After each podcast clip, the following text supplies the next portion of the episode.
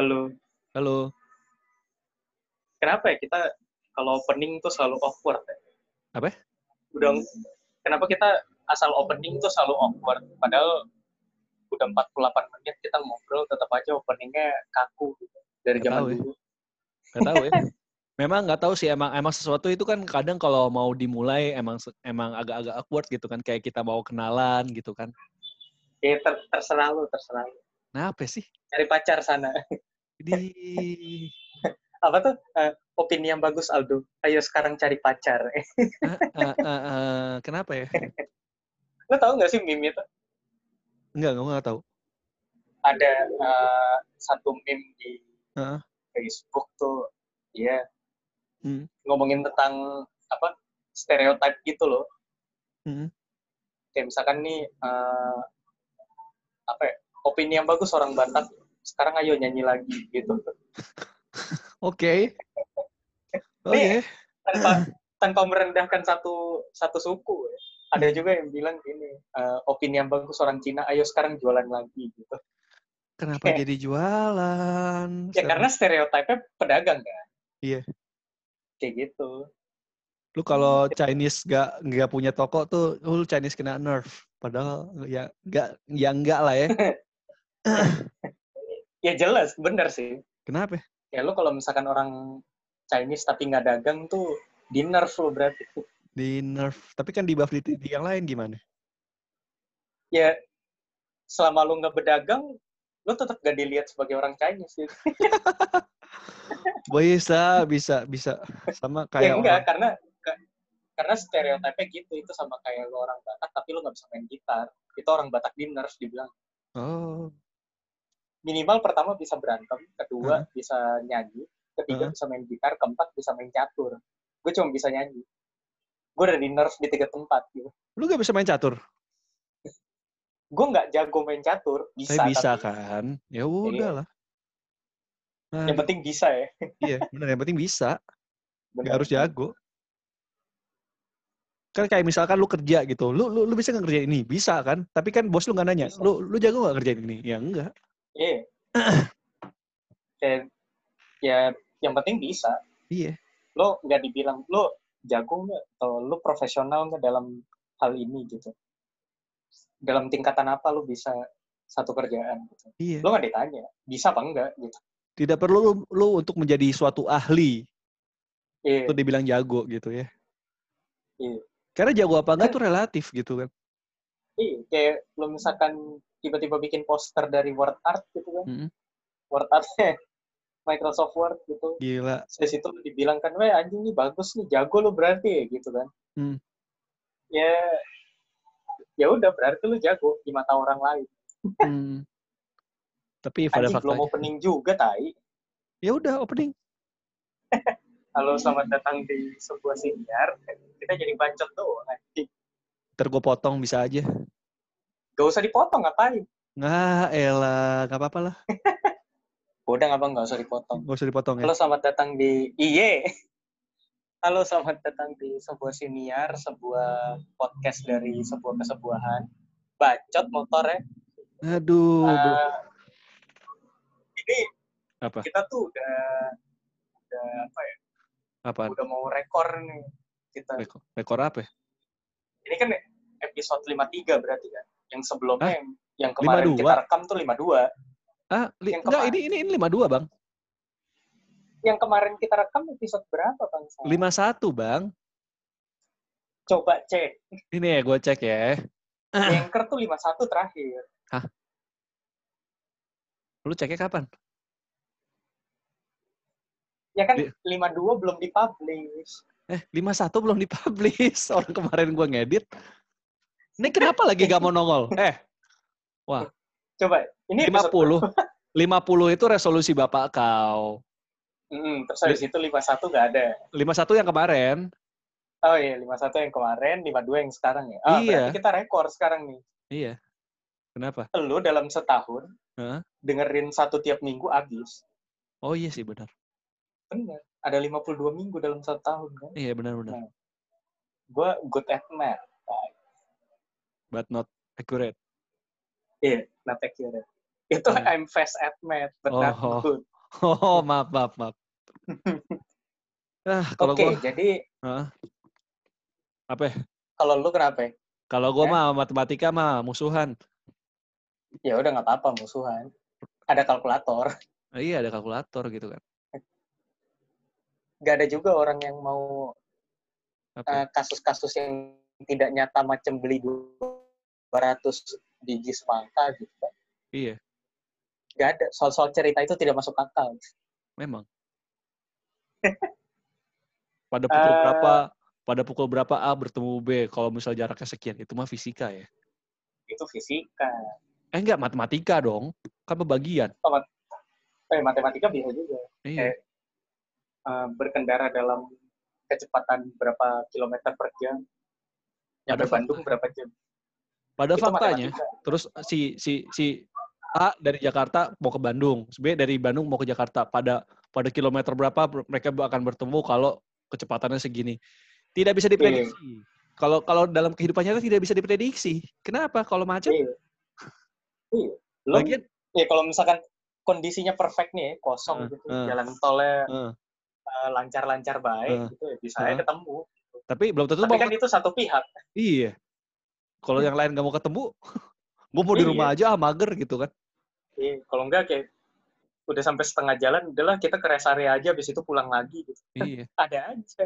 Atau atau yang satu ini BM, BM-nya lain gitu. Akhirnya nggak jadi ketemu di, di tengah, Iya. ketemunya di tempat lain.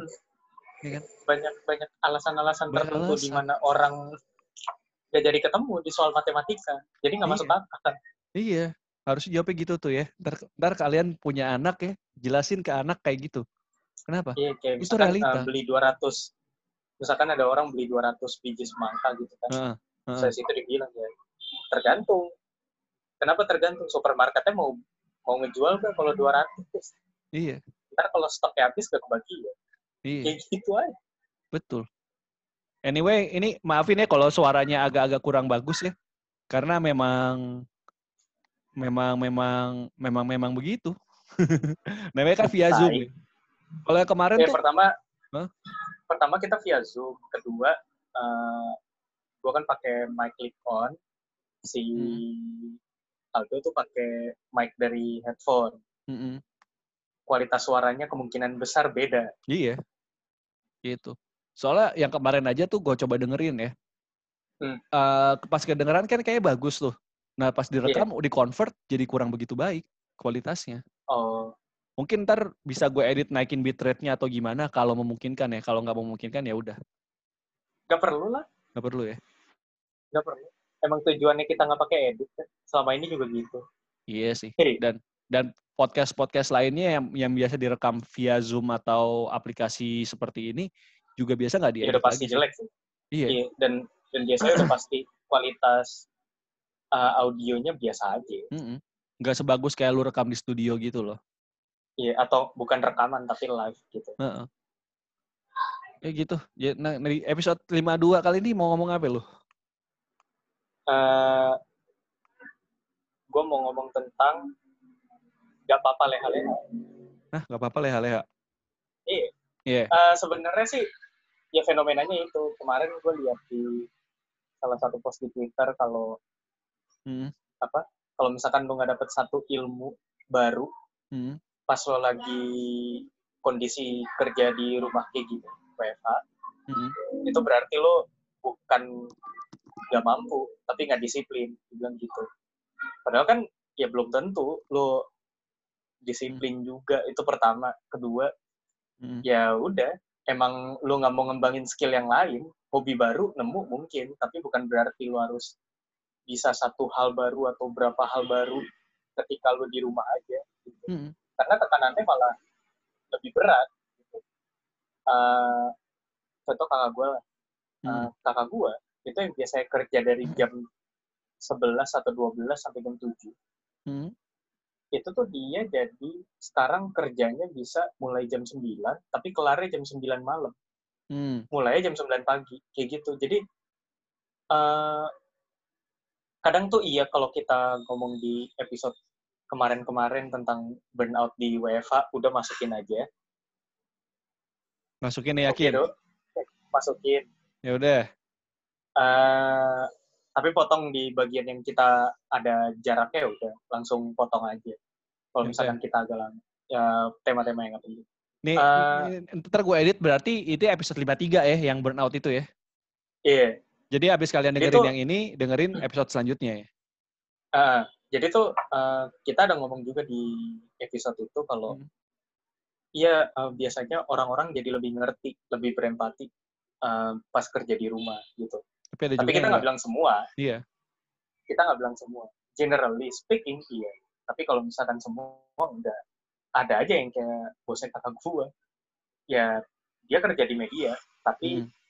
jam kerjanya nggak masuk akal gitu, karena lama banget. Biarpun dia ada jam kosongnya juga sih. Kalau kosong ya udah dia nggak kerja gitu kan. Tapi habis Ah. itu tiba-tiba pada saat dia dapat kerjaan tuh bisa malam malam banget. Yang lo harus ngerjain kayak jangka waktu itu cuma dua jam atau tiga jam paling lama. Iya. Ngeselin kan? Karena lo deadline-nya cuma tiga jam, lo harus ngerjain banyak hal gitu. Ka- karena mikirnya gini bosnya atau orang-orang lainnya ya kayak ya lu di rumah kan berarti lu sempet padahal enggak juga gitu Lo cuma apa ya? Kalau menurut gua kerja di rumah itu ya sama aja kayak lo, lo cuma pilih ongkos doang, gak ada ongkos, duit makan tetap. Mm. Terus habis itu, ya duit makan bukan tetap sih, belum tentu ada. Karena Hmm. lo bisa makan di rumah. Kalau misalkan masih bisa masak, ya masak gitu. Ongkos Padahal gak ada. Hah? Tapi jam kerja mah sama, harusnya. tapi lo- logically speaking ya kalau misal duit makan ditiadakan tuh lah di, di, di rumah kan dia juga makan gitu emang dia di rumah gak makan Nah itu gitu juga nggak masuk. Iya, nah itu juga nggak masuk akal ketika lo bilang, eh ya nih eh, gajinya tetap, tapi duit makannya dihilangin. Harusnya Aneh. nggak duit makan, duit transport yang duit dihilangin, transport karena lo dihilangin, nggak heeh. ke mana-mana. Gitu. Heeh. Itu lebih masuk akal.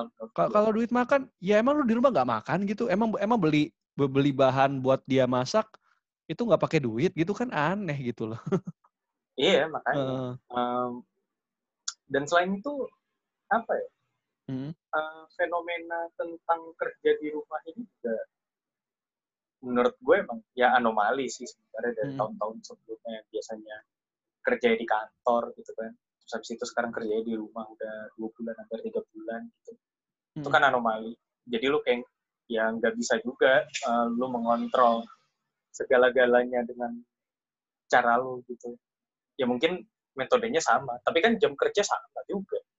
Jadi lu kayak ya udah tweakingnya adalah jam di antara lo kerja dan kosong aja sebenarnya.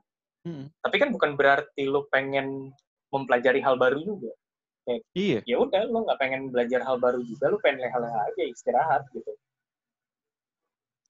Dan bisa jadi ya buat beberapa orang ya. Buat beberapa orang oh lu harus belajar ini ini kan hal baru. Tapi bisa jadi itu hal yang menjemukan buat dia karena yang dia lakukan kayak begitu gitu hari-hari yang Iya. dia lakuin kayak gitu gitu kayak gini deh eh, ceritanya kayak tadi Aldo sempat cerita juga dia Hmm. bilang kalau eh, salah satu temennya menyarankan eh, di saat istirahat dengerin satu orang filsuf modern slash semi psikolog profesor gitu Hmm. terus ya itu menurut kita agak redundant kenapa karena kita lulusan psikologi yang dipelajarinnya di situ-situ lagi. Dan kalau misalkan lu cari hiburan dibilang hiburan yang berbobot terus habis itu lu belajar tentang hal yang sama kayak lo pelajarin sekarang. Misalkan lo S2 psikologi kayak Aldo Heeh. S2 psikologi terus habis itu disuruh bela- disuruh nonton hiburannya tuh uh, ilmuwan psikologi atau profesor filsafat juga ya naon. Itu namanya bukan Iya, istirahat. bukan refreshing itu lo belajar tetap gitu. Iya soalnya itu menjemukan Iya, ya, yang yang kayak gue ada ada bilang ya gitu kan. Di S2 ini kan gue tugas-tugasnya kan levelnya uh, kayak UTS UAS CS 1 tuh ya, itu tugas biasa ya. Dan kalau level UAS UTS itu kan kayak level lu mau mau seminar skripsi gitu kan. Jadi lu harus Hmm. banyak baca jurnal, harus banyak baca literatur, banyak baca teori, banyak gali data lah banyak gali data gitu, ba- baca cari referensi tentang ini gitu kan. Kalau kalau refreshingnya juga lu kayak gitu, ya kali gitu. Iya. Kayak lu pengen belajar sesuatu yang ya mungkin berbobot lah bilang berbobot, tapi ranah sainsnya tuh pasti lain maunya. Gitu. Gak mungkin lu pengen ranah yang sama. Itu sama aja kayak ya kayak tadi gue bilang juga sebelumnya uh, pas kita masih pemanasan dulu itu gue ngomong sama Aldo hmm. itu sama aja kayak programmer hmm. disuruh eh lo lagi tertarik programming lo orang non programming terus dari situ lo nyuruh programmer buat belajar uh, ilmu programming yang lagi lo sukain gitu. Kayak misalkan hmm. machine learning TensorFlow gitu. Saya situ lo nyuruh nyuruh dia ya nih TensorFlow seru kok machine learning. Belajarlah di GitHub. Masa lo hiburannya sampah sih? Yang lo anggap sampah itu hiburan buat orang lain. Hiburan itu hiburan. Jadi kalau mau misalkan lo bilang sampah ya itu sampah buat lo kalau misalkan lo dipaksa belajar hal yang hampir sama sama apa yang lo pelajari hmm. pada umumnya atau yang lo kerjain pada umumnya ya namanya bukan hiburan itu belajar lagi namanya hmm. jadi satu hal juga kayak gini sih ini ini agak-agak sedikit ngomongin karena sosial ya karena dalam hmm. seminggu terakhir gue mengalami ya bisa dibilang ada gesekan sosial gitu kan. Dan kalau gue, gue yang dulu ada gesekan sosial adalah gue akan menarik diri kayak bener-bener nggak mau ngadepin. Kalau sekarang gue akan ya udah gue akan ngejelasin tapi outputnya dia mau ngerti apa enggak ya udah urusan dia gitu kan. Jadi hmm, yang penting lo udah ngasih tahu dan uh, menyampaikan apa yang lo pengen. Uh, uh. Dan maksud gue gini loh kayak kadang ada beberapa orang ngomong kayak ya lu harus berempati dong lu harus mendengarkan gua lu harus mengerti apa yang gua ini gitu kan uh, menurut gua itu itu ini demanding ya kalau misalkan beberapa tahun lalu kita bahas soal rusaknya supporter jiwa dan lain-lain emang kadang kadang nih ya ini gua nggak bilang selalu kadang kadang beberapa orang uh, mau curhat sama orang dan akhirnya ditolak karena waktunya nggak tepat. Hmm. Nah, Sedangkan kalau lu ke profesional yang emang kerjanya itu dan dibayar untuk itu, highlight kerjanya dan dibayar untuk itu ya. Jadi objektifnya udah buat dengerin lu. Ya dia akan men men mengerahkan segala tenaga dan perhatiannya kepada pekerjaannya gitu. Tapi kalau lu misalkan itu masih mahasiswa atau mungkin orang yang cuma belajar psikologi tapi dia kerjanya lain, dan lu harus uh, dan lu mengekspek dia untuk mengerti lu, menurut gua ada kesalahan dalam ekspektasi aja gitu kan. Iya. Kalau misalkan lu ngomong ya nggak apa-apa itu kan social skill dong, memang udah memang udah seharusnya orang begini orang begitu. Uh, gua nggak setuju karena social skill orang-orang tuh beda-beda. Ada beberapa orang yang emang dia luas ngobrol sama orang dan bisa mengerti banyak hal, istilahnya bisa gampang terkonek sama orang. Ada yang susahnya setengah mampus gitu kan tapi ada tapi gini sih hmm. uh, kalau misalkan lu bilang social skill menyinggung soal hal tadi hmm. uh, ya empati itu udah bukan social skill lagi. Empati itu sifat dasar manusia harus ya gitu. Tapi gimana dia uh, di gimana lo gimana gimana? Lanjut. Oh uh, di saat lo harus mengeluarkan empati ya lo emang harus berempati gitu. Kayak misalkan lo lagi pengen cerita gitu. Karena hmm. bilang lah ada satu pen eh, ada satu orang cerita. Terus habis itu kita bilang kalau ya kita cuma mancing doang kalau kita emang hmm. pengen cerita juga gitu. Hmm. tapi dia nanggepin eh tapi dia nggak nanggepin. Itu tajam lumayan sakit. Kenapa? Karena lu nggak nggak apa ya lu yang pengen cerita juga itu kayak nggak dipeduliin jadinya. Itu kan sebenarnya butuh empati ya. Kalau buat ah. hal-hal yang kayak gitu kan. Atau minimal ya lo tanggepin aja dulu gitu kayak ya lo emang pengen cerita apa? gitu. Ya menjadi sesuatu pribadi yang terbuka tuh ada. gak ada salahnya gitu. Apalagi kalau hubungannya uh, dekat kayak misalkan gua malu nih do. Uh, sahabatan dari zaman SMP terus habis uh, itu gue bilang ya nih gue pengen cerita nih. Uh, terus habis itu lu potong pakai cerita lu juga gitu. Uh, dan gue nggak jadi cerita itu mengesalkan. Ya gue pengen cerita dari kemarin gitu-gitu. Maksud gue gini maksud gue gini gue tadi ngomong kayak tadi itu ada beberapa orang yang emang berempati buat dia tuh ngabisin tenaga hmm, ya itu even, pasti ngabisin tenaga even psikolog atau konselor sekalipun uh, itu ngabisin tenaga jadi akhirnya makanya ada yang disebut dengan compassion fatigue gitu hmm. ketika lu mau berempati tapi capek akhirnya yeah. tumpul, akhirnya nggak ini dan lu nggak maksimal. Mm-hmm. Nah, uh, dalam kondisi-kondisi seperti itu, menurut ini ini pendapat gue pribadi ya, tapi juga didukung dari beberapa literatur gitu kan.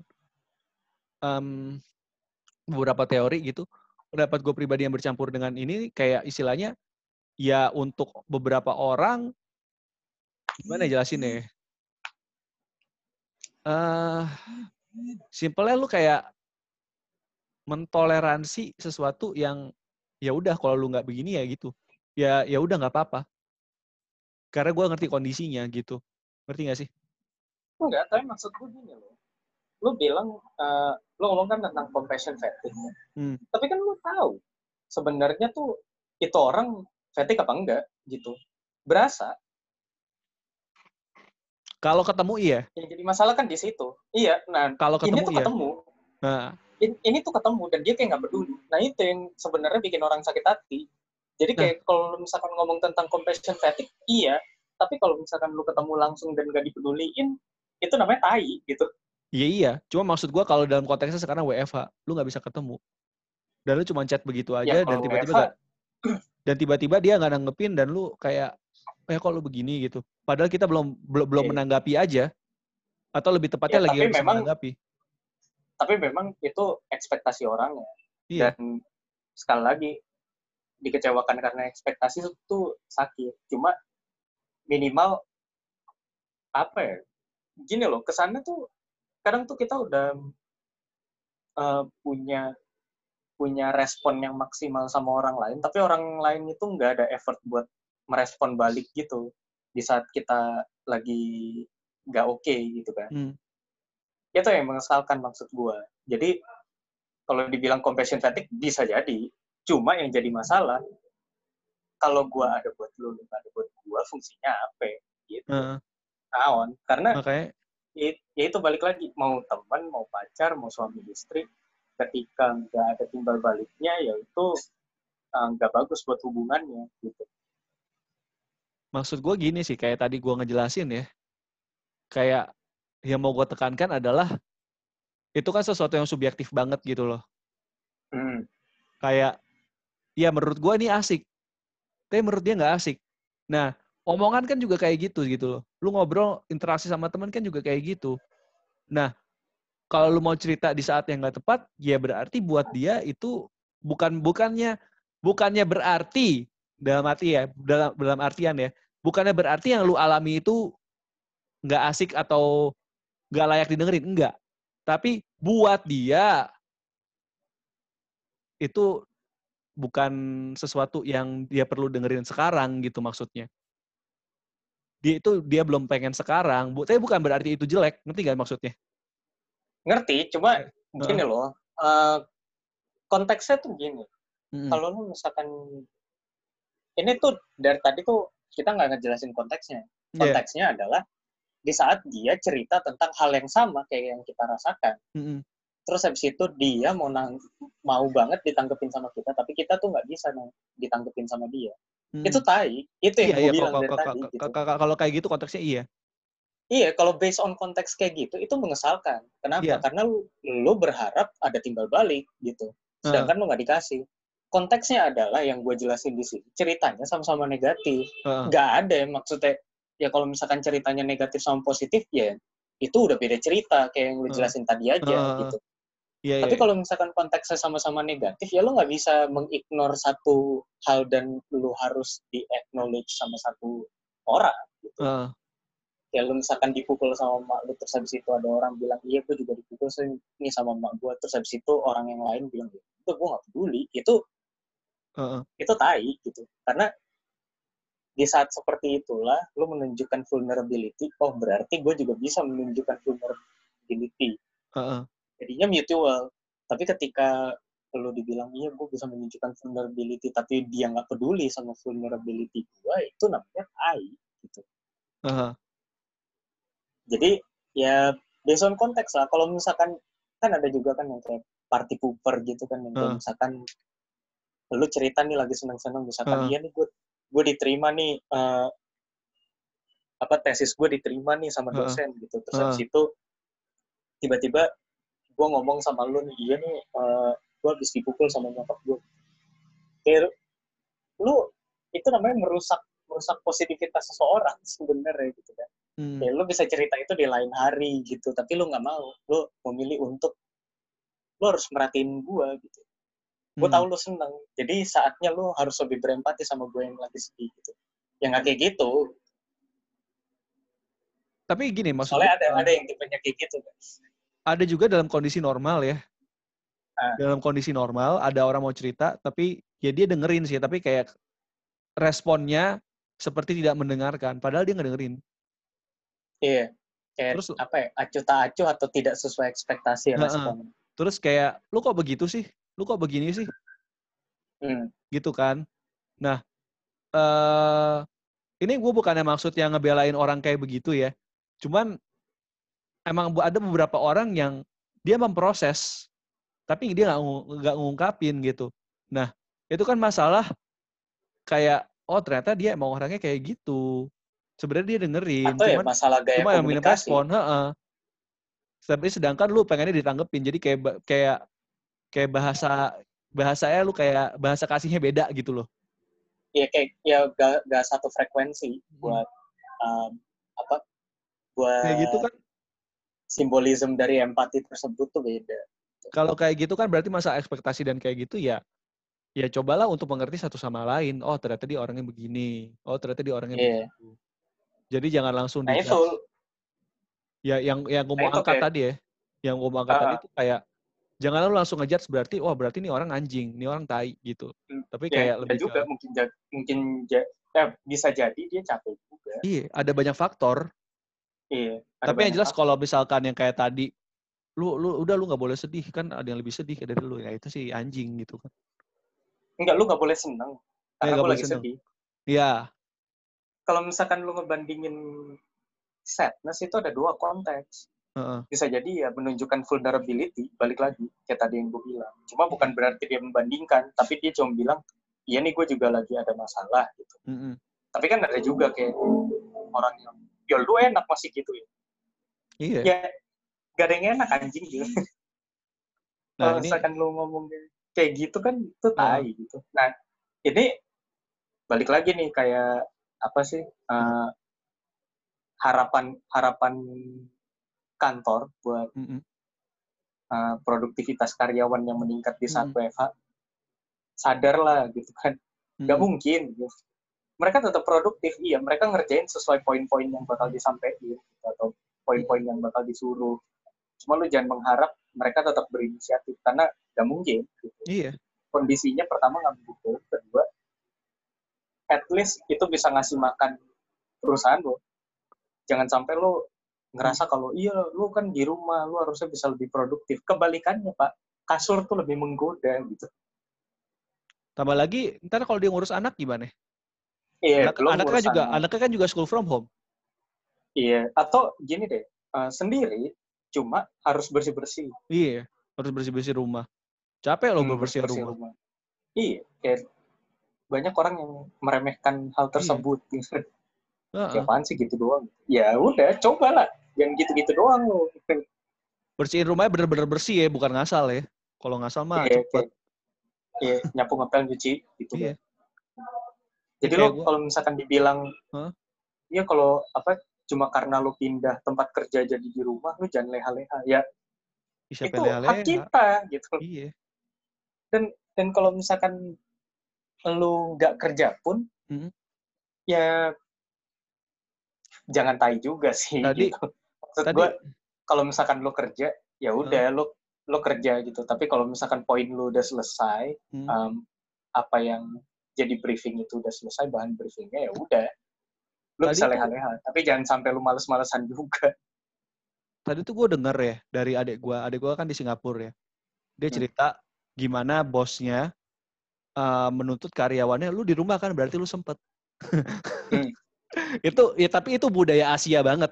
Jujur itu budaya Asia banget. eh Kan di Singapura kayak gitu kan. Singapura kan sama Tiongkok kan mirip-mirip tuh budaya kerjanya. Beda sama Indonesia. Indone eh, pas adik gua ke Indonesia gitu ya karena perusahaannya dia tuh buka cabang di Indonesia juga gitu kan tempat dia kerja. Eh, pas dia ke Indonesia gila beda banget. Indonesia mah nyantai, Singapura mah cepet banget gitu kan. Nah, Hmm. ada temen dia orang Singapura juga gitu, bukan bukan orang Singapura kerja di Singapura juga, tapi di perusahaan Inggris. Dan perusahaan Inggris tuh kayak, oh kalian WFH ya, ya udah uh, kita kasih kalian bonus buat kalian beli furniture, bikin kamar atau ruang kerja kalian se se sebagus mungkin, mejanya kah, kursinya kah. Jadi, Oke, jadi lo bisa nyaman kerjanya. Lo bisa nyaman kerja di situ dan dan kalau lo mau take a break, ya silahkan. Nah, kenapa bisa begitu? Karena Eropa dan negara barat lainnya itu banyak yang sering udah menerapkan work from home. Bukan dalam kondisi pandemi. Jadi kayak dalam sehari-harinya pun ada beberapa hari lu work from home. Nah, dan menurut gua huh? kayaknya ini deh, kultur kerjanya juga. Kultur iya. kerjanya kan kalau uh, apa? Kalau Asia tuh lebih ke apa ya? attendance attendance oriented lah. Uh -uh.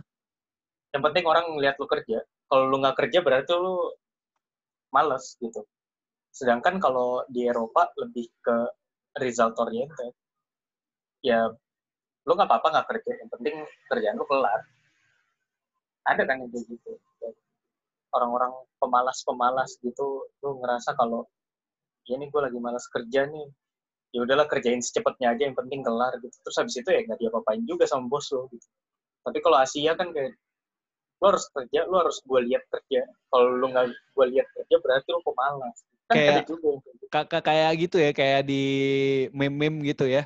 Lu lagi belajar udah belajar di kamar pas uh, lu break bentar main HP tiba-tiba mak lu masuk HP terus gitu eh, kayak gitu cuma cuma gara-gara lu dilihat lagi break doang tuh dia eh, udah belajar kayak lu, gitu lu, lu main HP mulu lu belajar ya gitu kan iya iya Nah itu berarti juga sama kayak ya kayak gitu kan orang mikirnya di Asia mikirnya kayak lo di rumah berarti lo sempat.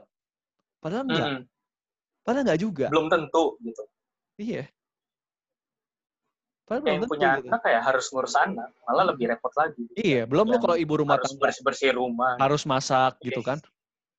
Atau misalkan kayak kayak gue ada hidupnya sekeluarga gitu, mm -hmm. kita harus misalkan uh, apa kata-kata gue nyapu ngepel hmm. gue ngurusin groceries atau masak gitu iya. gitu. belum lagi kalau misalnya contoh gampangnya lagi gitu belum kalau misalkan lu tinggalnya sama kakak adik lu dan rumah lu gak gede-gede banget iya. dan, dan lu di kamar pun lu sekamar sama kakak adik lu. Iya. Nah, nah itu, itu kan ada. sebenarnya bikin capek. Iya. Secara secara psikis tuh capek. Karena kenapa? Lu apalagi kalau misalkan lu orang yang butuh buat sendirian, nah itu hmm. lebih susah lagi gitu. Gue merasakan itu soalnya. Karena capek. Ketemu tiap hari sama orang yang sama, terus habis itu lu kerja di tempat yang deket-deketan masih, terus habis hmm. itu nanti lu apa? Nanti lu kelar kelar kerja ketemu sama mereka, tidur barengan gitu kan. Ya, iya lu nggak punya waktu sendiri jadi lu capek sendiri aja secara dan, psikis secara fisik mah kelihatan biasa aja dan lu mau konsentrasi juga susah gitu kan yang ada alasannya juga sih gue beli headset eh beli headphone uh. Ya kayak uh, apa gue beli headphone ya biar gue nggak digangguin uh. sengaja tiap ada apa-apa mau meeting mau nggak meeting kadang tuh gue pasang headset Uh. Simply karena gue emang gak pengen diganggu aja gitu. Iya. Kadang tuh gitu sih emang dan waktu kemarin waktu pas kita rekamannya tanggal 16 kemarin ya dua minggu yang lalu ya yang gue hmm. bilang ah, gue beli PS4 jadi ada blessing blessing in this guys tapi setelah dua minggu gue lalui hari-hari gue gue gue gue berasa capek sih gitu tiap hari lo nggak tahu kenapa lo capek yeah. capek fisik capek capek psikis aja. Maksudnya nggak kena maksudnya gimana? Kayak ya ini ini gue ungkap sedikit ya. Kayak emang gue kan sebenarnya under uh, bukan under terapi sih tapi kan gue masih rutin ke konselor. Karena beberapa hal di S2 itu kan cukup cukup cukup membuat gue emosi dan fisik gue terkuras ya terutama emosi ya. Iya, uh, cukup krusial lah buat uh. kondisi psikologis lo. Tuh tukang apaan anjay? Sate Padang aja. Sate Padang. gue dengernya tape, ah tukang tape malam-malam tukang tape malam-malam siapa yang mau ini gitu kan ya balik lagi ke ya, topik kan, ke topik yang tadi gitu kan dan ternyata uh, apa ya istilahnya? Dalam gue mengelola stres, itu tuh gue sering kali gue butuh ngomong. Hmm. Tapi yang ada ketika dua minggu terakhir nih, ya, ini gue ngomong situasi dua minggu terakhir, gue sering banget malam-malam tuh terima telepon dan gue ngedengerin orang. Dan ada beberapa Padahal hal. butuh didengar Nah, saat dan itu. dan ada beberapa kali makanya tadi gue curhat eh, gue gue ngomong kayak gitu tuh sebenarnya tuh sem- semi curhat gitu Hmm. Eh, se- semi curhat dan semi membela diri gitu dan beberapa temen gue ada ngomong kok lu jadi nggak responsif padahal gue udah berasa cukup try hard untuk responsif. Dan ada beberapa temen Hmm. gue ya udah terus gue bilang iya gue sorry nih kayak gini gue responnya bla bla bla bla gue gue ceritain panjang lebar. Nah, jadi maksud lu gini gini gini ya. Terus dia eh, mungkin dia udah sebel duluan ya. Terus Ya dia udah males cerita juga. dia ngomong udah lu gak usah kayak gitu itu lu try hard. Gue kayak ah Eh, nah, tadi katanya ya gue dan emang benar sebenarnya gitu. dan gue ketika gue mau mencoba itu try hard gitu kan. Tapi emang Iya. emang, emang nih nih gue cerita sedikit ya. Eh gue tuh sebenarnya punya trait antisosial yang cukup tinggi nah lu bayangin dah tuh orang trait antisosial tinggi jadi psikolog emang bisa bisa kok kok lu bisa ngomong gitu lu lihat aja tuh beberapa beberapa yang pencetus psik- eh, teori psikologi orang-orang aneh semua Iya, orang aneh jadi maksud gue begini ya, ketika gak usah gak usah penemu teori psikologi lah. Penemu pada umumnya juga iya. Iya. gitu. Dan dan ada beberapa dosen dosen gua gitu ya itu expressionless dia dia dosen dan dia psikolog dia expressionless orangnya poker face banget gitu tapi bisa ngeterapi orang dan Pak. sukses Contohnya kayak pasangan itu. iya Mantep tuh. Gue suka. mereka berdua poker face kan Iya. ini tanpa Tapi menyebutkan nama sih. tapi kalau lu ngobrol sama dia lu konseling sama dia wah gacor Iya, soalnya gini, eh, kita bisa bilang lah ekspresinya agak-agak mati, iya Heeh. agak-agak mayat gitu. Setelah eh, dia tuh apa ya, gak, gak menunjukkan emosi lewat raut muka. Mm-mm. Cuman ketika lu cerita sama mereka itu tuh efektif. Mereka menunjukkan empati yang jor-joran menurut gua. Dan Dan nggak empatinya itu lo, nggak ngeliat lo dengan cara yang apa tough love gitu-gitu lah. Enggak. Iya. Mereka benar-benar yang oh gitu, oh gitu. empatinya mereka mereka, tuh- menunjukkan dengan baik. empati mereka tuh bukan orang yang ekspresi kayak oh iya iya sedih ya apa gimana kamu pasti sedih Iya. apa kamu kamu pasti pasti kecewa ya kan enggak tapi oh terus ngomong satu kata ngejelep aja gitu dapat aja lu tiba-tiba dapat insight gitu Iya, cuma nggak jahat. gak jahat Kan ada kan yang ngomongnya jahat kan. Nah ini enggak. tapi straightforward Mm-mm. mungkin buat beberapa orang oh itu bukan wujud empati tapi itu wujud empati mereka nah itu kan lucu tuh nah balik lagi kayak gue ngomong tadi gitu kan balik lagi seputar topik kayak tadi kita gitu kan Hmm. nah maksud gue eh, tadi balik lagi ke gue gitu ya gue tuh socially awkward. Banget. Waktu SMP lu bayangin gue dulu waktu SMP ini bayangin SMP gue mau beli kaset PS udah di depan abangnya tinggal ngomong kagak ngomong gue sampai abangnya nanya mau beli apa? Game apa? Kagak ngomong SMP kelas 1 tuh. Tinggal ngomong. Sama guru ulangan gue disalahin. Padahal jawaban gue bener kagak berani ngomong gue SMP makanya gue public speaking tuh. Eh, public speaking lagi. Ya pokoknya pelajaran bahasa bahasa Inggris bahasa Indonesia yang speaking maju ke depan kelas. Itu kemungkinan gue remet. Karena Gak emang bohong. gak berani aja. gak bohong gue gue gak bisa ngomong orangnya.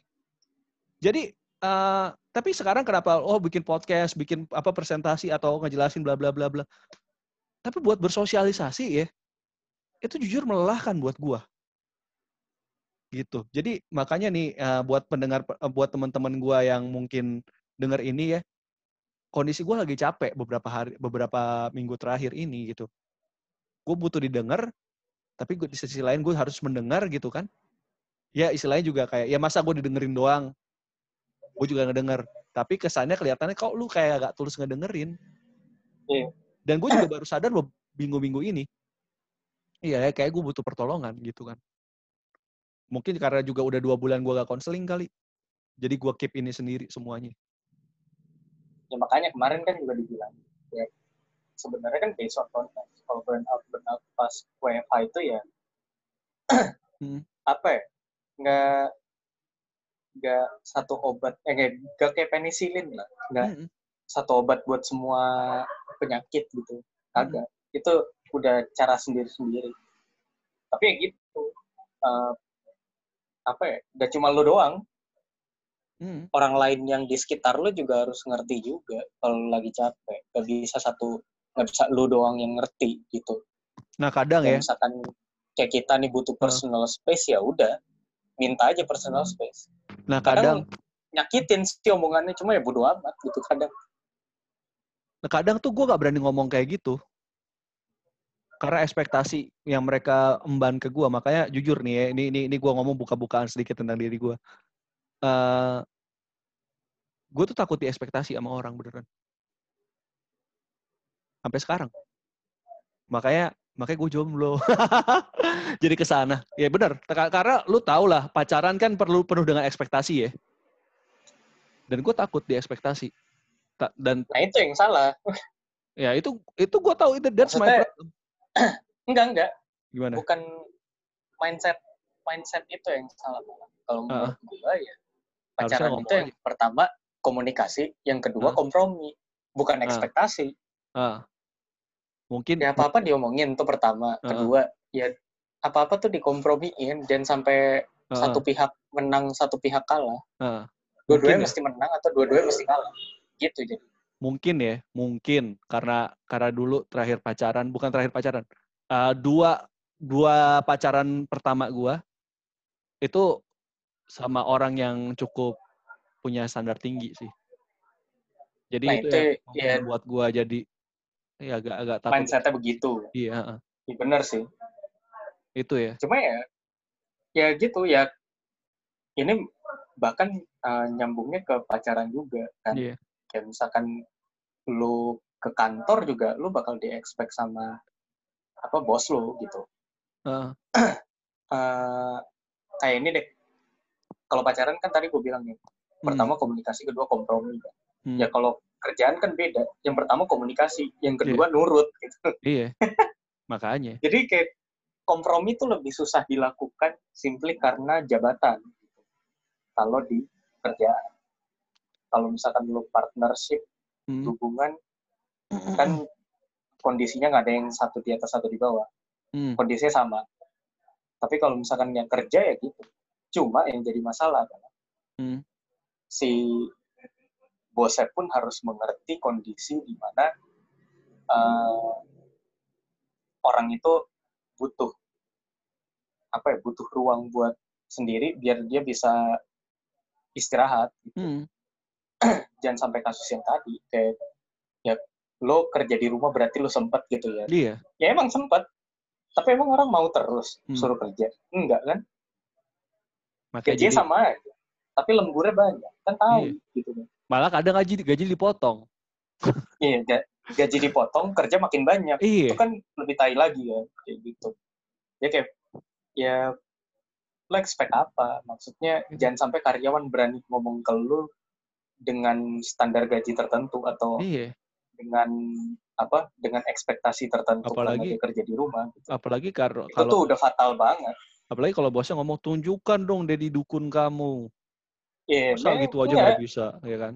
enggak, enggak, misalkan gini, lo jadi karyawan, terus habis Ah. itu, misalkan lo, ya nih gajinya dipotong karena bla bla bla, adalah alasannya kan, Hmm. yang itu bisa kita terima gitu. Tapi dibilang ya, lo kalau bisa kerjanya uh, 24/7 lah gitu gitu kayak tunjukkan dedikasi kamu ya benar bosnya Iya. bakal ngomong kayak gitu.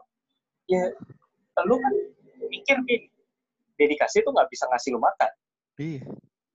gitu aja kayak contoh deh kayak gini Ah. eh, dalam kondisi psbb gini beberapa transportasi kan lebih susah didapatkan Iya. sedangkan lo harus pakai transportasi umum Ah.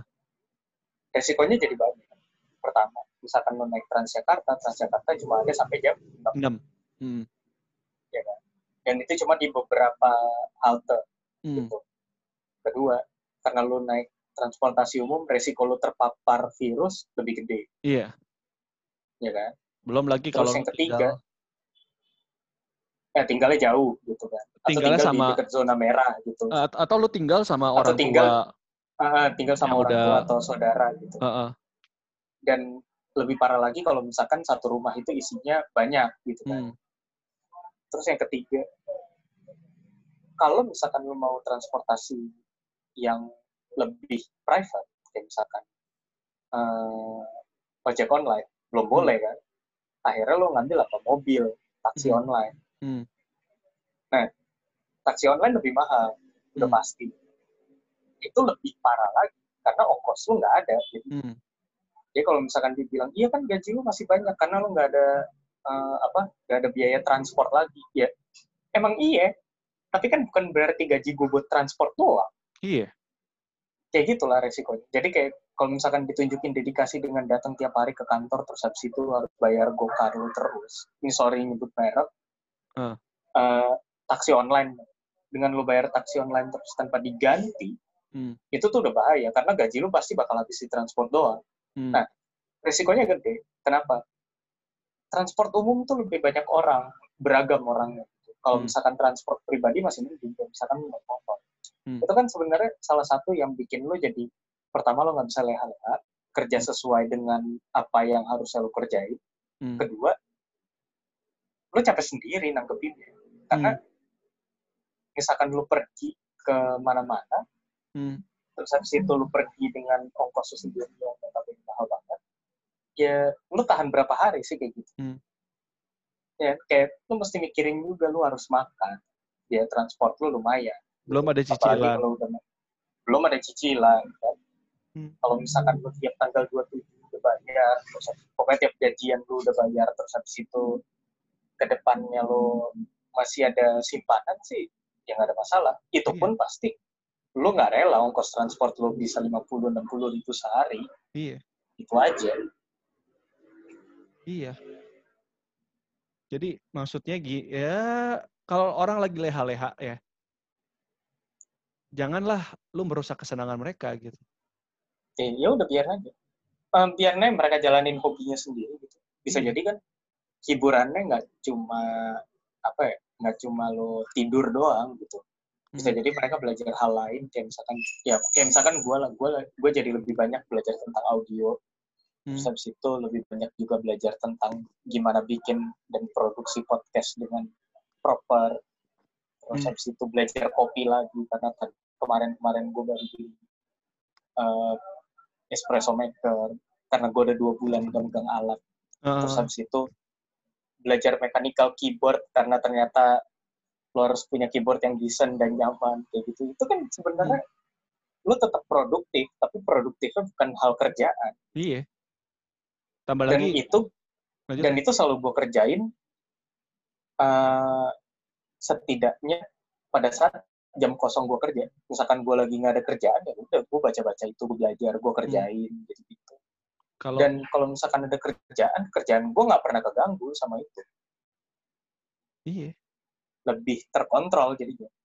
Kayak lu duduk, misalkan lu belajar, lu ngerjain tugas gitu, buat S2 lo, terus habis itu di wak di selasa waktu lu main PS gitu kan. Hmm. Atau mungkin browsing-browsing PC atau hobi yang lain gitu. Nah, Hmm. itu kan sebenarnya nggak ada masalah. Lu tetap produktif kok, Iya. lu nggak males. Iya.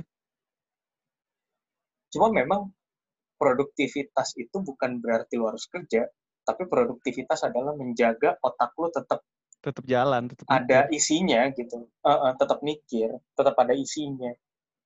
Jadi kalau Dan- misalkan dibilang ya leha-leha mulu, istirahat mulu ya, ya istirahat jelas. Kenapa emang salah gitu kan? Iya. Main game, masalah.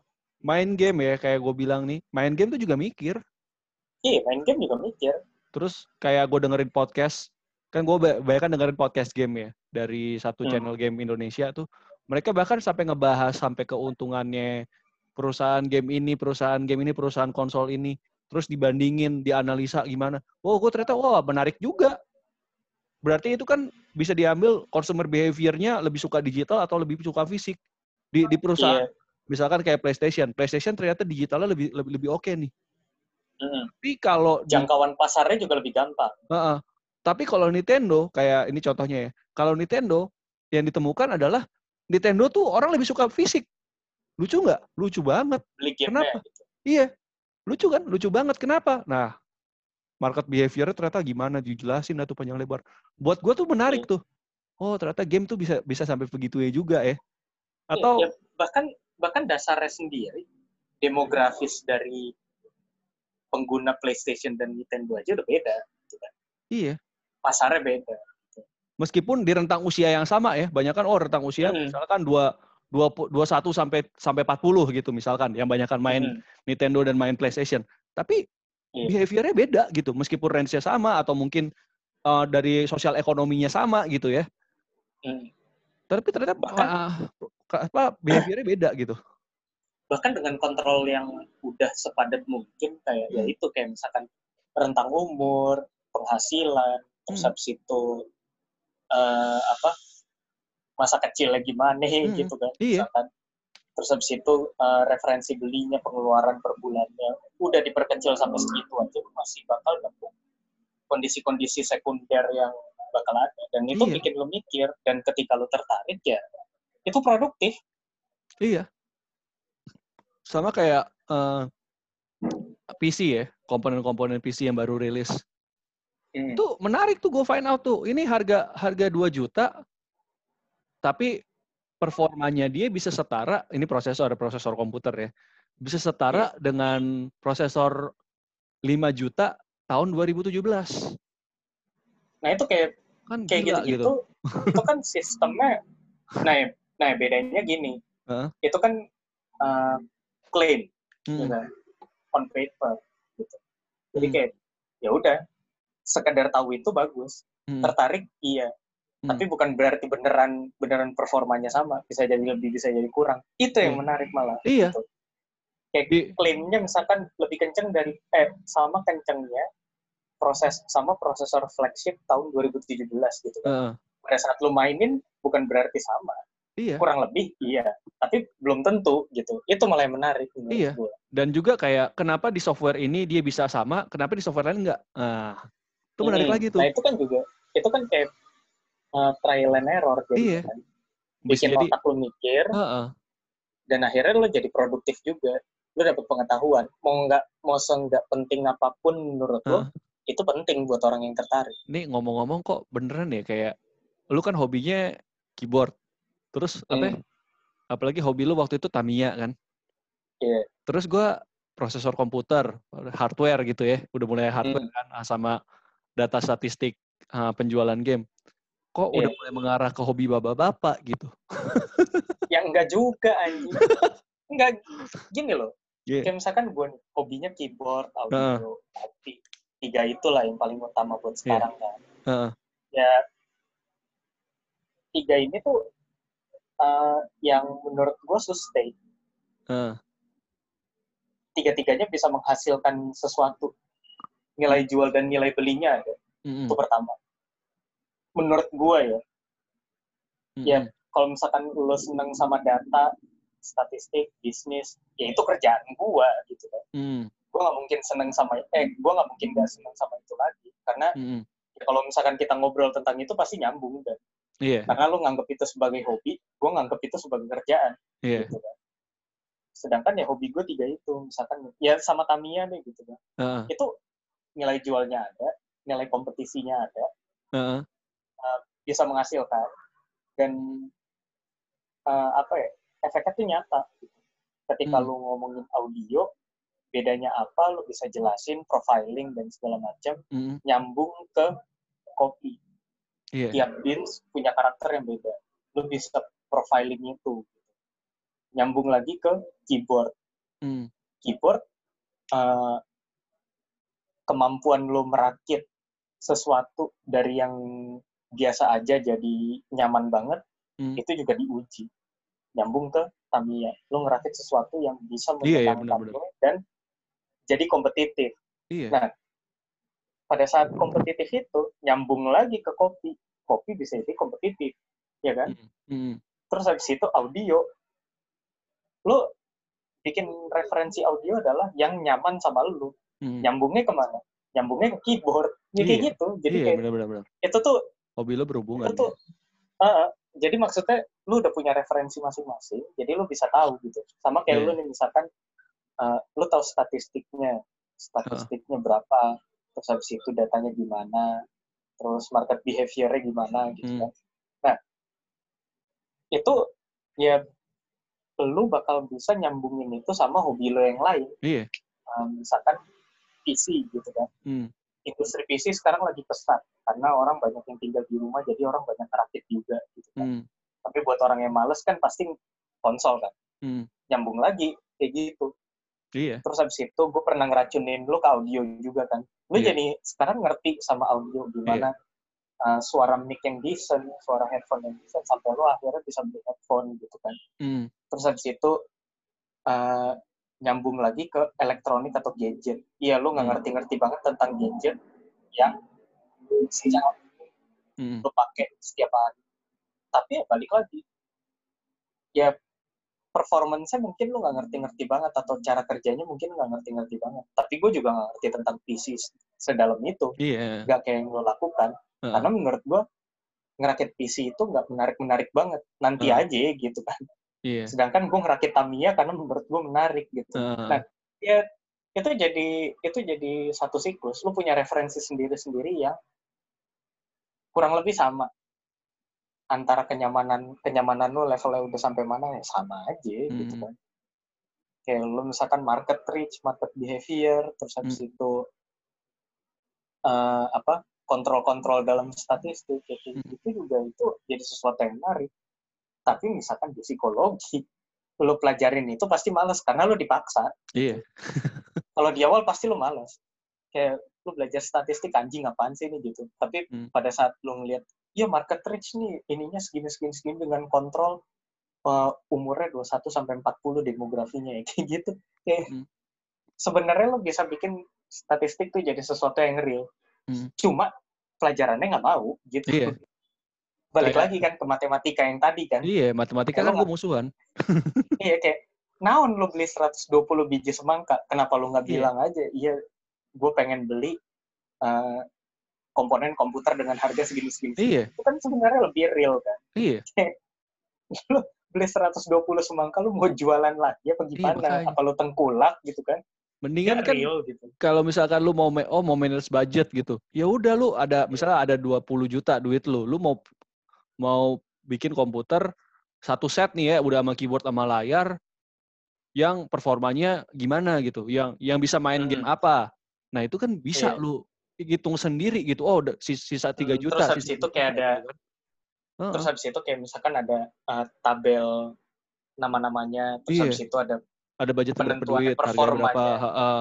iya, Rate-nya terus habis itu ada berapa. performanya baik atau enggak gitu. heeh. dari soal-soal yang simpel kayak performanya baik, sedang, dan buruk gitu. Mm-mm. Lu harus bisa ngorbanin. Mana nih yang Ya, bisa kayak gitu. gitu, ya. heeh.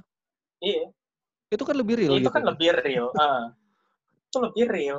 Kenapa lu harus beli 120 biji semangka? Iya.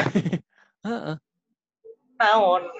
heeh. Gue juga masih bingung kenapa ada ada dibikin kayak gitu. Gak Gue juga ngerti sih. Jadi Heeh. itu ya itu eh, produktivitas itu terjadi di waktu yang leha-leha itu, eh hobi itu. Hmm. Yang tadi kita bahas tentang gak apa-apa leha-leha, ya kenapa? Karena relate sama Iya. kita.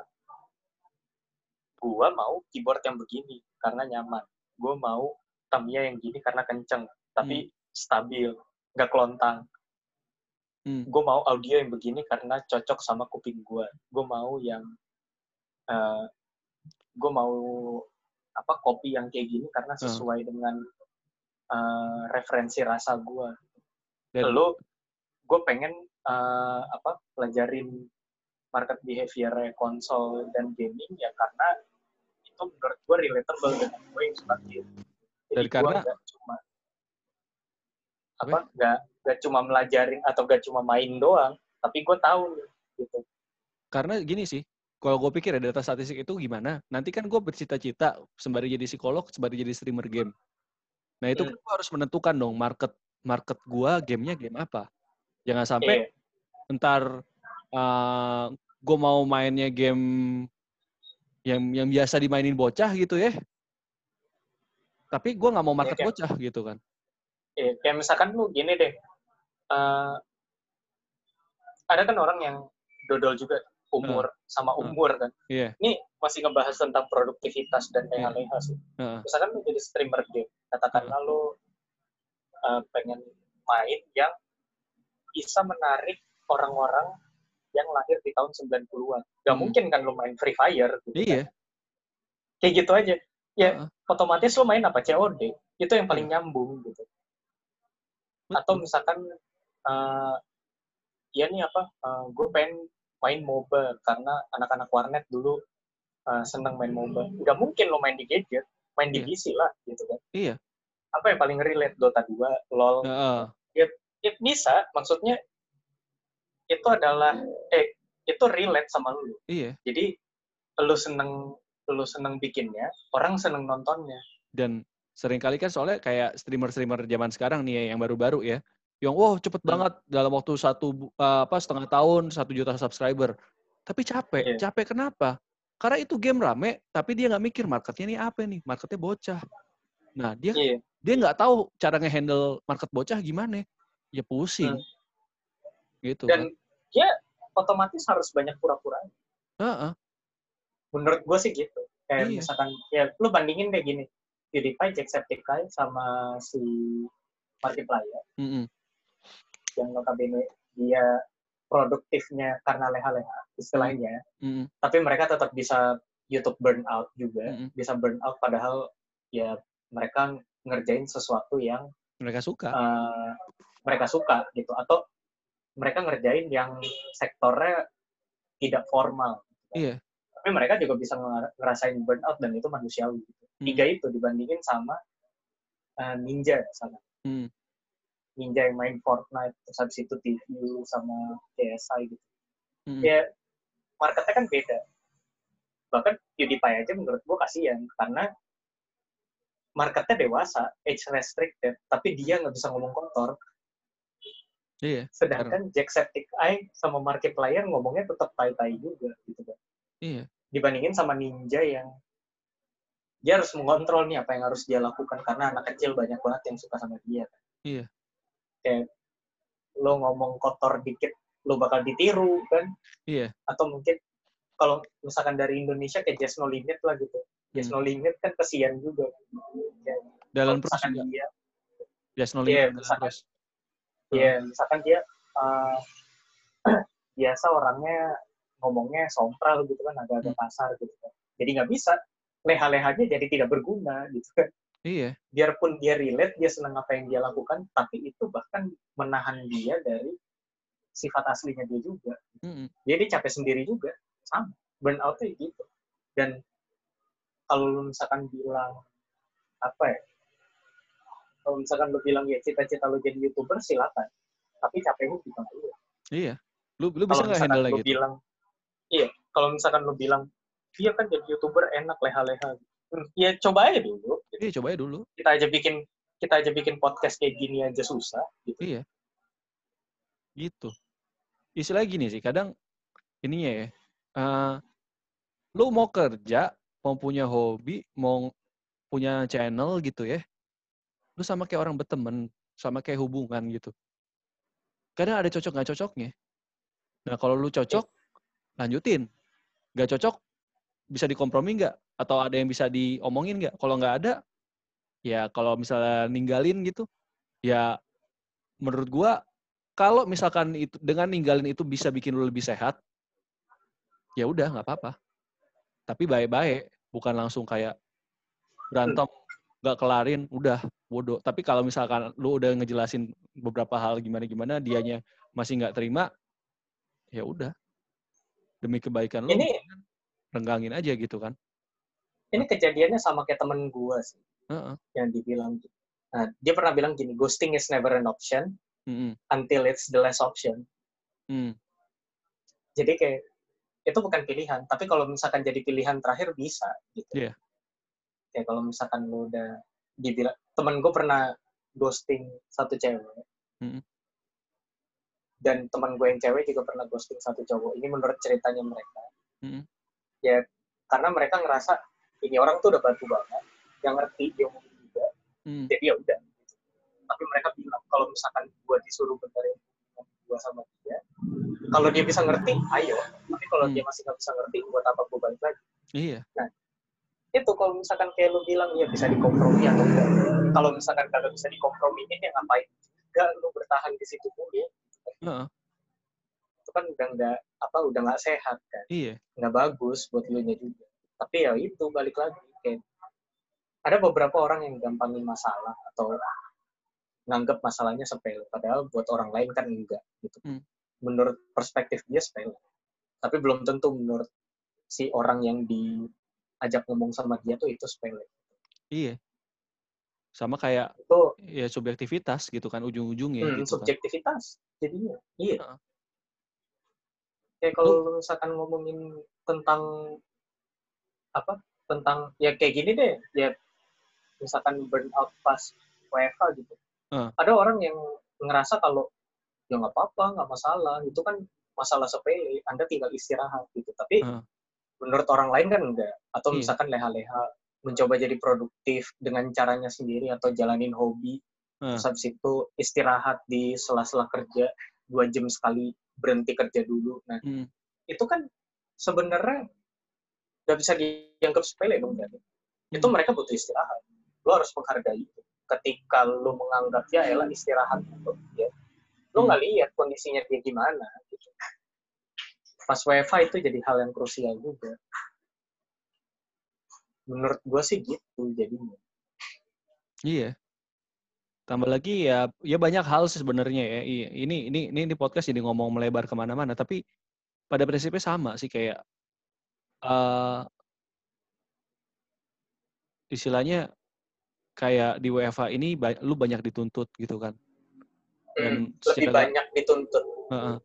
Dan dan di- mungkin di kerjaan lu gitu kan, di kuliahan lu atau di sekolah lu gitu kan, atau mungkin di keluarga gitu kan. Dan di sisi lain tanpa sadar kita juga nuntut orang lain gitu kan. Kayak kayak kayak sesimpel tadi ngomongin hobi aja gitu kan. Padahal hobi hobinya ya lu harusnya begini dong, harusnya begitu dong. Ya ya nyambung nggak gitu. Tapi emang emang gue akui ya bahkan gue sendiri pun juga sering sering terjebak dalam hal itu tanpa sadar dan berapa lama kemudian baru mikir, "Eh, iya ya, gue tadi gue tadi kampret banget ya gitu kan. Nah. Iya, kayak gitu. Apakah pertanyaannya kan apakah eh, kadang kita mau omongin ke orangnya, "Eh, sorry ya tadi gue begini. Nah orangnya kan balik lagi tuh waktu berapa lama kita punya podcast yang minta maaf ya kalau nggak salah ya. Hmm, Kan kalau kita ngomong kayak gitu, ya apaan sih lu lebay banget. Nah, kita nggak mau digituin kan. Jadi kadang kita ngekip sendiri. hmm. Yang penting, nah itu masalahnya kan ribet nih, masalah manusia itu kan. Satu, satu mikirnya begini, satu mikirnya begitu. Belum timbul kesan begini. Lu tadi ngomongnya terkesan Iya. begini. Ya, lu mendapat kesan begitu. Tapi apakah sebenarnya seperti itu? Ya nggak apa-apa. Kalau lu dapat kesan begitu nggak apa-apa, nggak masalah. Itu Nggak salah itu itu itu asli yang lu yang, yang lu rasakan dan lu berhak merasakan itu. Iya. Cuma kalau kita lihat faktanya gimana? Apakah Hmm. benar itu yang yang dimaksudkan gitu kan? Makanya itu kan terjadi gini loh kompromi. jadinya Hah? iya jadinya kayak gini kompromi komprominya jadinya gini lu punya hak buat ngelihat hal kayak gitu tapi Hmm. kita punya hak buat menjelaskan apa yang sebenarnya terjadi juga Mm-mm. Dan masa lalu gak mau masa lalu nggak mau dengerin nggak mau ngerti ya udah itu juga hak lu gitu.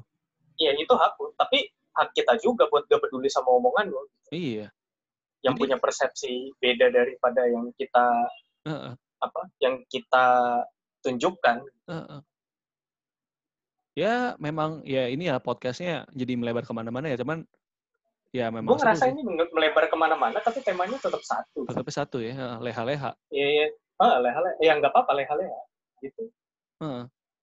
Nah mak- kalau kalau misalkan ini, apa ya? ini temanya memang dalam banget Heeh. sangat-sangat dalam karena ini membahas lanjutan tentang ketika lu kecapean Mm-mm. pas lagi apa kecapean pas lagi kerja dari rumah ya Mm-mm.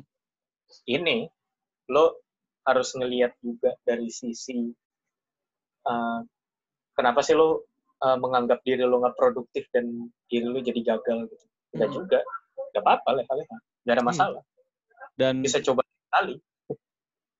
ya memang salah satunya juga ya eh, orang ngomong self love. Hmm. Tadi gua tadi ada ada yang ngirimin gue di Instagram gitu ya, dibilang kayak Iya. self love dibilang kepedean, Hmm. Inse- insecure dibilangnya apa? eh, insecure dibilangnya eh, lebay atau sedih. Bentar nih, gua gua gua lihat dulu tweetnya. Ada ada yang kemarin ada yang ngirimin kemarin bukan hari ini ya, kemarin ada yang ngirimin gue itu. Nah maksud gua sebenarnya nggak salah lu self love selama ini gitu. Hari-hari ini lu self love nggak apa-apa. Karena emang nih dibilang self love dibilang kepedean, insecure dibilang nggak bersyukur. Udahlah jadi buah-buahan aja.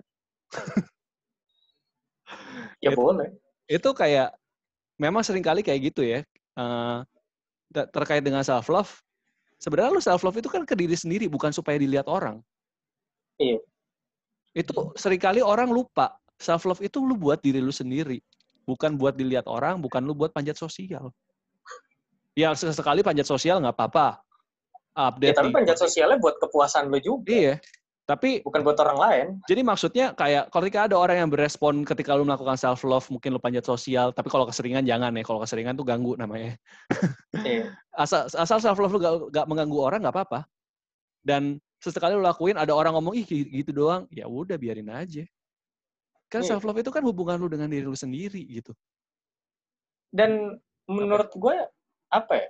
Mm-mm. Yang paling jelek dari istilah-istilah kayak gitu ya balik lagi kayak episode-episode lalu yang kita pernah bilang romantisasinya.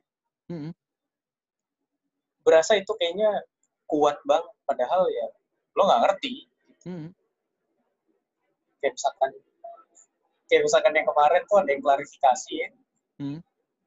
Uh, ada orang tuh main ditambahin terus habis itu menghiraukan tentang corona terus habis itu dia cuma ngomong klarifikasinya minta maaf dia bilang uh, aku tuh introvert gitu Hmm. itu kan romantisasi paling sampah tahun Iya. 2020 gitu naon lu ngomong introvert gue introvert juga bodo amat gitu Makanya kalau ngeromantisasi jangan pakai MBTI.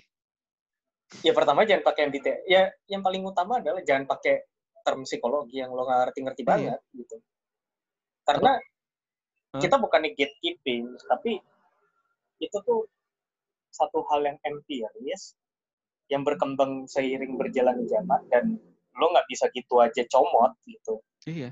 jadi kalau misalkan ada orang bilang lah kayak misalkan dokter gitu marah Heeh. sama pemakaian eh, apa ya pemakaian term medis yang berlebihan gitu. Mm. ya contoh apa ya Hmm, Insomnia. saya pusing Bu. Eh, inso- insomnia aja bahkan kan itu istilah psikologis kan sebenarnya selain term medis kayak misalkan insomnia deh aduh nggak bisa tidur nih insom naon emang gue udah tiga bulan diperiksa Hmm. ya kayak nih beneran gak apa-apa leha-leha Hmm. coba lo belajar itu coba lo cari deh kalau misalkan lo sering ngebaca tentang iya gue insom atau iya MBTI gue ini coba pelajarin dulu itu Hmm. pas la- belajar aja pas lagi jam kosong gitu kan Hmm. Soalnya lo- sekalian. ya soalnya orang-orang orang-orang tuh banyak baca tapi mereka nggak tahu jadi mendingan ya karena daripada lu bacotin doang lu coba gitu kita Hmm. bukannya gatekeeping tapi kita berharap lu ngerti dulu termnya baru lu Hmm. pakai gitu kayak kayak tadi gue bilang ya, gue gua ada trait ada sifat-sifat antisosial. Itu kan gue belum jelasin antisosialnya semana. Cuman emang gue ngomong gini bukan gue main asal pakai antisosial yang dalam artian menyendiri. Enggak. Gue antisosialnya tuh dalam artian ini gue jelasin sedikit ya. Gue gue males lihat orang. Dalam artian gue nggak suka lihat orang. Gue nggak suka ketemu orang. Bener-bener gue nggak suka kayak gue benci ketemu orang. Ngerti kan maksudnya? Kayak gitu. ngerti gak lu maksud gue kayak Nggak, gitu tapi Kayak benar dan- Eh, dan itu dan itu mungkin bisa jadi lu udah clinically diagnosed gak? Kalau kalau misalkan gue sampai oh antisocial personality enggak, cuman trait antisosialnya Enggak. tinggi waktu itu kan berdasarkan uh, pas waktu gue 2000 ya udah lama sih 2014 tesnya. Hmm. Cuman kan gue pantau perkembangannya. Ternyata Iya. masih emang sih berkurang. Ternyata tapi ternyata masih ini masih ada. Karena Hmm. uh, kalau ini gue ceritain sedikit ya. Uh, ada tes namanya Big Five Traits. Cuman lu cari di hmm. internet gak bakal ada gitu ya. Karena ini tes ratusan soalnya. Uh, ada satu kan dia ngukur banyak domain tuh ya. Dia dia ngetes banyak domain. Ada satu domain namanya agreeableness. Agreeableness tuh orangnya gimana? Agreeableness tuh orangnya santun, yang gampang setuju sama orang, nurut gitu ya. Terus yang ya ya baik. Ya yang yang bisa ngeblend dengan norma sosial. Agreeableness gue tuh rendah. Nah, kalau agreeableness rendah itu berarti antagonism. Antagonism tuh jadi ya ya lu tau lah orang antagonis gimana gitu. Ya tapi gini. Tokoh-tokoh antagonis, antagonis gimana? Kan berarti jahat. Iya. Kan kayak orang salah ngerti tentang peran antagonis gitu. Nah, ini ngejelasin tentang antagonisme. Hmm. Uh, gue juga udah pernah baca si hmm. Big Five ini. Hmm. Uh, kebetulan hasilnya sama kayak Aldo. Gue uh, agreeableness-nya rendah, sangat-sangat hmm. rendah. Hmm. Ya, balik lagi, antagonisme itu bukan soal jahat atau baik, enggak. Tapi lu sesuai sama norma dan ekspektasi masyarakat atau enggak. Iya. Jadinya kayak gitu kalau misalkan kumpulan lo nggak sama kayak lo bukan berarti lo jahat. Iya. Uh -uh. Dan lagi juga kayak, kayak antagonisme lo di Indonesia rendah. Kalau di konteksnya luar hmm. negeri bisa jadi tinggi. Iya bisa jadi tinggi. Bisa jadi lu agreeableness tuh dengan kumpulan orang-orang misalkan di Eropa, Eropa mana ya? Ya Eropa Eropa Utara misalkan. Iya.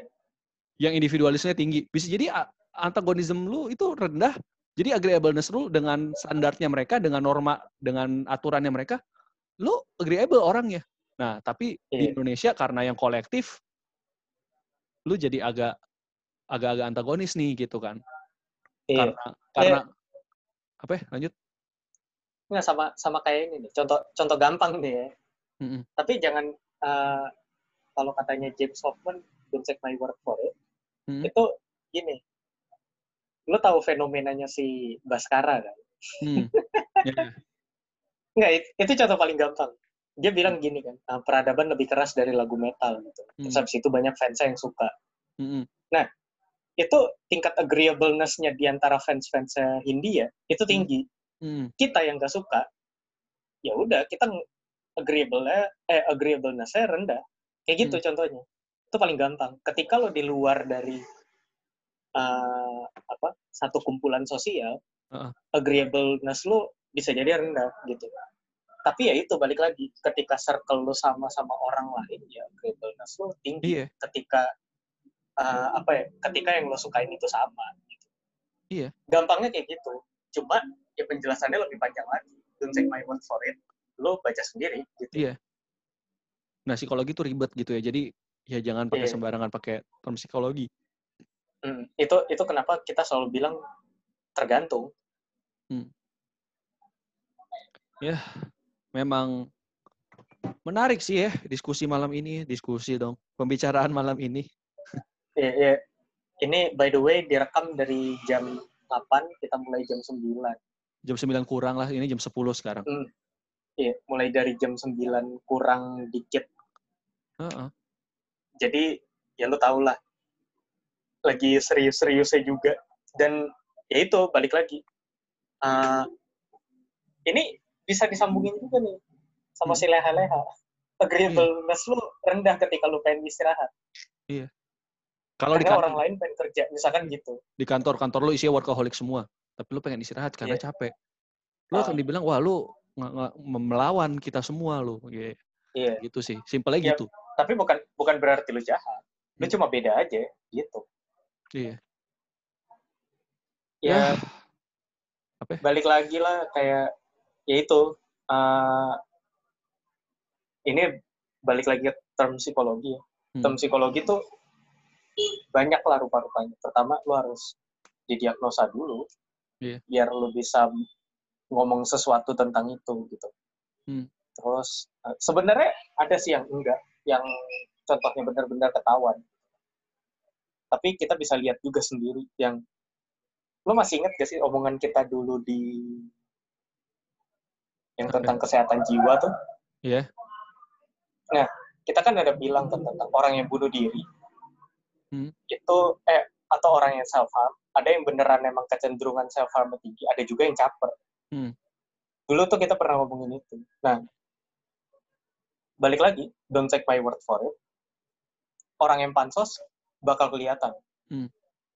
lo bakal tahu sendiri mau lo ngerti termnya atau nggak ngerti termnya lo bakal ngeliat ya itu beneran emang self harmnya tinggi kecenderungannya atau emang dia caper aja kayak Hmm. pansos ya itu contoh balik lagi.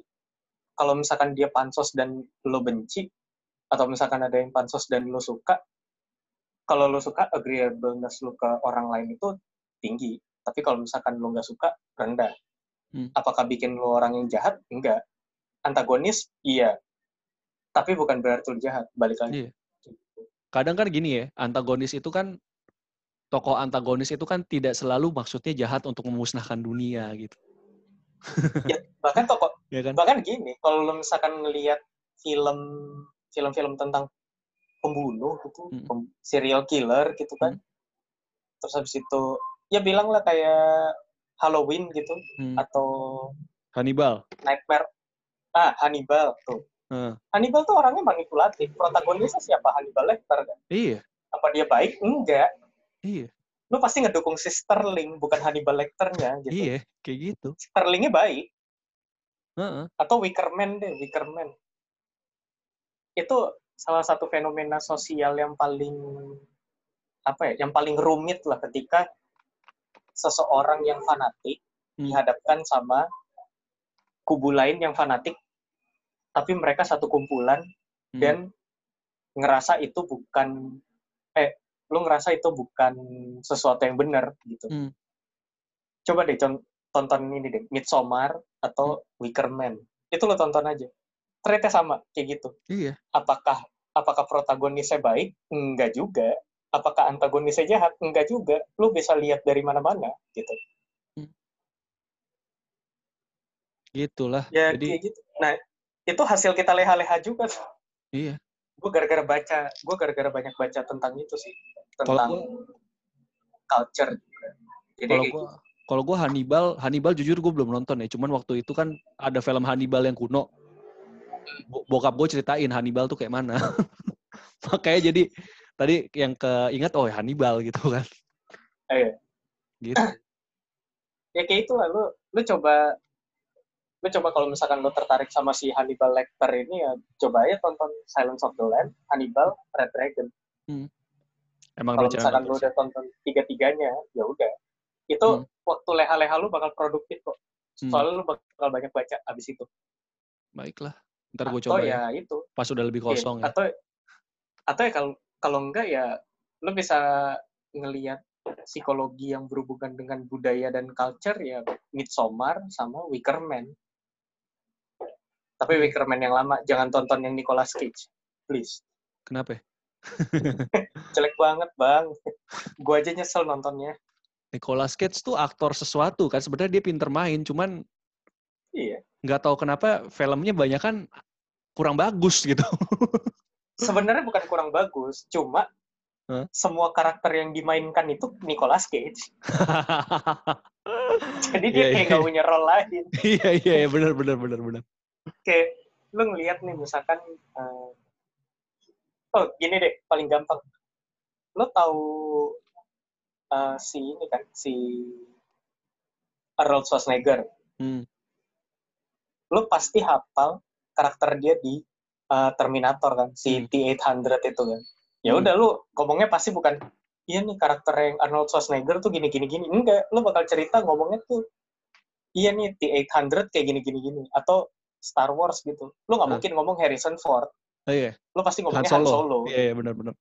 Karena Han lu nggak mungkin banyak. ngomong iya terus habis itu tiba-tiba eh, lu nonton Indiana Jones nih lu nggak mungkin bilang Harrison Ford pasti lu bilangnya Indiana Jones Iya. karena itu role-nya dia gitu tapi kalau misalkan lu nonton Nicolas Cage ya itu? Nicolas Cage.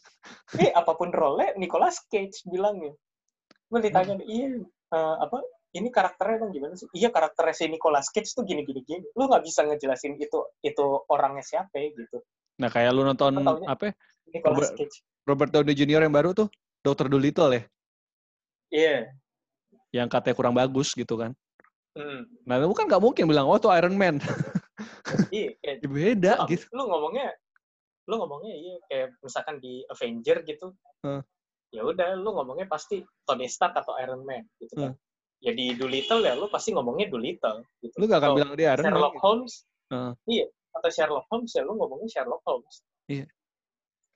Kayak ada Role Benedict. tiga tiganya orang satu orang Iya, gitu. kayak Benedict Cumberbatch. Heeh, kan? Sherlock Holmes nih. Ya di Sherlock Holmes dia jadi Iya. Sherlock. Di Imitation Game, apakah dia jadi Sherlock Holmes? Enggak. Enggak, jadi Alan Turing. Iya. Di Doctor Strange, apakah jadi Sherlock Holmes? Ya enggak. Enggak. jadi Doctor Strange. Iya. Tapi kalau Nicolas Cage, Ya Nicolas Cage. si Nicolas Cage Aduh, Nicolas Cage, Nicolas Cage. Ini jadi ngomongin Nicolas Cage. itu itu salah satu yang gue tangkep juga dari gue selama 2-3 bulan WFH sih. Karena nontonin film Nicolas Cage. Enggak juga. Gue gue nggak gue nggak nonton sih. Cuma Hmm. gini, eh apa ya? Lo jadi banyak baca juga sih. Jadi banyak baca, jadi banyak nonton YouTube tentang apa analisa-analisa kayak gitu karena gue tertarik aja. Hmm. Apakah itu bikin gue produktif? Iya jelas, gue mikir gitu kan. Hmm. Apa itu bikin gue jadi pinter? Hmm. Iya jelas. Pengetahuan gue banyak yang baru. Apa Hmm. itu efektif pada saat kerja? Iya. Belum tentu. Iya. Tapi building report pakai itu bagus. Iya. ya kan? Kayak misalkan lu kayak misalkan lu kuliah deh. Hmm. S2, lu belum kenal siapa-siapa, tiba-tiba lu ngomongin sesuatu yang ada hubungannya sama hobinya mereka, emang mereka nggak tertarik sama lu. Hmm. Apa, apakah mereka nganggap itu produktif? Iya. Orang lain ngelihat yang hobinya beda sama lu, terus habis itu mereka Iya, bilang, pas. "Ah, produktif banget sih, ya bodo amat. Iya. Iya apa sih ngerumpi gitu doang? Iya buat kita itu produktif. Jadi, ya itu. Leha-leha mau ada gunanya, mau nggak ada gunanya, itu guna buat lu, gitu. Betul. orang lain bisa ngelihat itu nggak guna gitu kan ngomong kayak apaan sih ngapain sih bikin keyboard gitu doang sampai juta-jutaan bodoh amat nyaman gue Iya. jual lagi bisa kemarin Iya. gue baru cuan keycaps gue kejual semua kan Iya. kayak gitu aja Ya, makanya. Ya udah segitu aja lah. Kita udah ngomong panjang lebar nih ntar. Mm-mm. Segitu aja lah anjing ah Terobos aja. ya segitu ya dari kita eh paling. Karena udah kelamaan nih. Eh. Takutnya kalian bosen. iya tapi ya apa ya banyak banyak topik-topik yang bakal kita bahas lagi seputar WFH sih gitu Iya. mungkin mungkin dua satu dua episode lagi masih bisa lah soalnya Ya WFH PSBB masih belum pasti kan Iya. Jadinya gimana gitu kan atau WFH yang diperpanjang kita bi- bisa nyari-nyari hal lain juga gitu kan Hmm, dari yang guna sampai yang nggak guna gitu Iya. Ah, ya udah segitu aja ya. Iya segitu aja. heeh. kesimpulannya tadi udah dapet Kesimpulannya udah silakan simpulkan sendiri. iya. karena kita udah nyimpulin tadi Iya, kalau misalkan nggak denger juga mah tai banget loh Iya. bikin orang capek Kayak kayak kita ngomong kesimpulan tadi 15 menit sendiri tuh. iya lama loh Iya. hargai dong Ya kan? Ya udah. Oke, sampai jumpa di podcast-podcast Ah. berikutnya. ciao Bye bye.